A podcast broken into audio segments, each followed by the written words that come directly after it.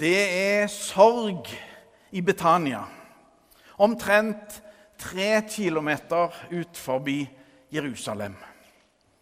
Lasarus ble med ett alvorlig syke, og nå er han død. Sorgen hos de to søstrene hans, Martha og Maria, er smertelige og bunnløs. De mange vennene deres er kommet for å trøste dem og støtte dem i sorgen. Og Jesus kommer også. Men nå er det for seint til at han kan gjøre noe for Lasarus. Eller hva? På det som kalles for høstens påskedag, hører vi den siste delen av evangelieteksten. La oss høre Herrens ord. Det står skrevet i evangeliet etter Johannes.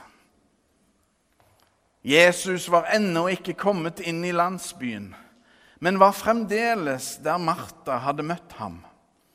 Jødene som var hjemme hos Maria for å trøste henne, så at hun brått reiste seg og gikk ut.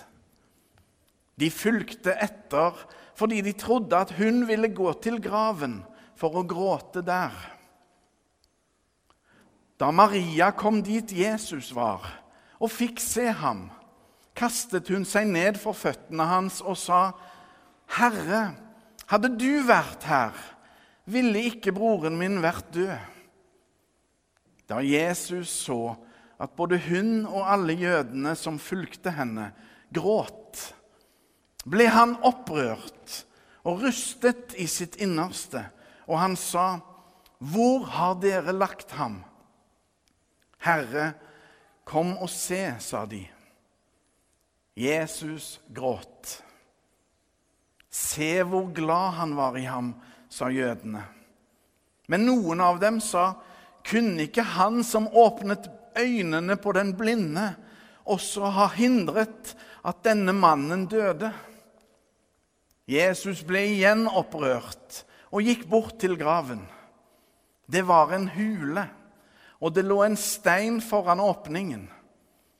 Jesus sier, 'Ta steinen bort.' 'Herre', sier Martha, den dødes søster, 'det lukter alt av ham.' Han har jo ligget fire dager i graven. Jesus sier til henne, 'Sa jeg deg ikke at hvis du tror, skal du se Guds herlighet?' Så tok de bort steinen. Jesus løftet blikket mot himmelen og sa, 'Far', jeg takker deg fordi du har hørt meg. Jeg vet at du alltid hører meg. Men jeg sier dette på grunn av alt folket som står omkring, så de skal tro at du har sendt meg. Da han hadde sagt dette, ropte han høyt, Lasarus, kom ut! Da kom den døde ut med liksvøp rundt hender og føtter og med et tørkle bundet over ansiktet. Jesus sa til dem, 'Løs ham og la ham gå.' Mange av jødene som var kommet til Maria og hadde sett det Jesus gjorde, kom til tro på ham. Men noen gikk til fariseerne og fortalte hva han hadde gjort. Slik lyder det hellige evangelium. Vår sårbarhet, den påminnes vi daglig i nyhetsbildet.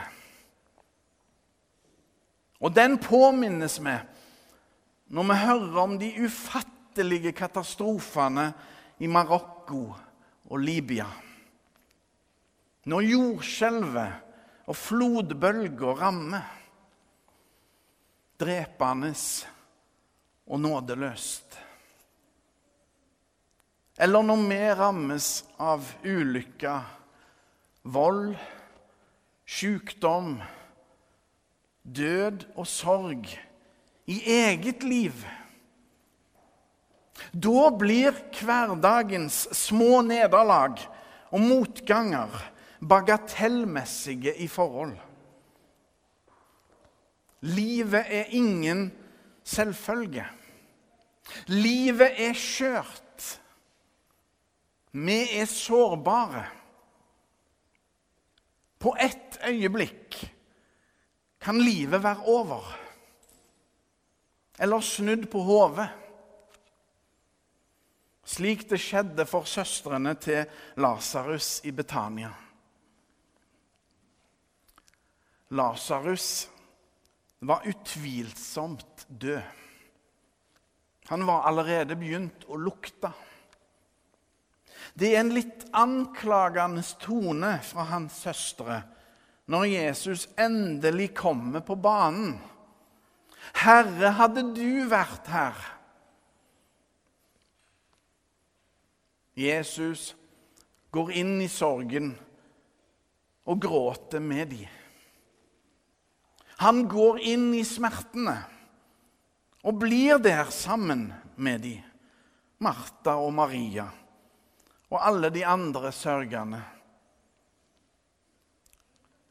Så skjer det utrolige.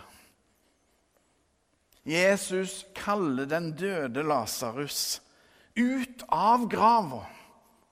Lasarus kommer ut. Han kommer ut i beskrivelsen av dette fantastiske som skjer. Er det som om evangeliefortelleren i sin framstilling dette av lasset? For den som skriver, klarer liksom ikke helt å følge med på hva som skjer. Da kom den døde ut står det. Og stiller seg med det sammen med oss andre og lar undringen overta. Det absurde og utenkelige, det utrolige i situasjonen, taler for seg sjøl til evig tid. Der Jesus ferdes, skjer der forunderlige ting.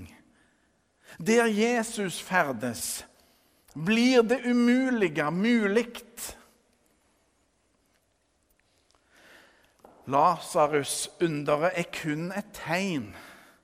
Det er et av mange tegn og under som Jesus gjorde i løpet av sitt korte virke. Så de skal tro at du har sendt meg, som Jesus sier det for at vi skal tro. Lasarus fikk bare forlenge sitt liv. Det var kun en utsettelse. Han døde en helt naturlig død noen år seinere. Dette som skjedde, var et tegn. Et tegn på noe som er enda større. Og dette går igjen i hele Johannesevangeliet. Jesu under er tegn. Tegn på hvem han er. At han er Guds sønn, den sterkeste. At Jesus var og er sterkere enn alt annet, også døden og dens krefter. Så er det faktisk dette som er kjernen i den kristne tro. At Jesus er den sterkeste, til og med dødens overvinner. Og dere som i dag har brakt Mia og Elias til dåpen, kunne ikke ha valgt noe bedre for dem. Dere har overlatt dem til den sterkeste.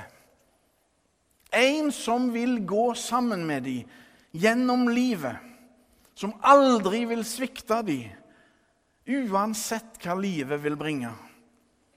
Jesus Kristus, seierherren.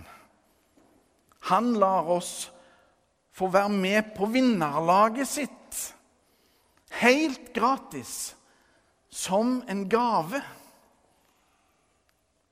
Livet er skjørt, og vi er sårbare. Vi vet at tilværelsen er full av sorg og nød.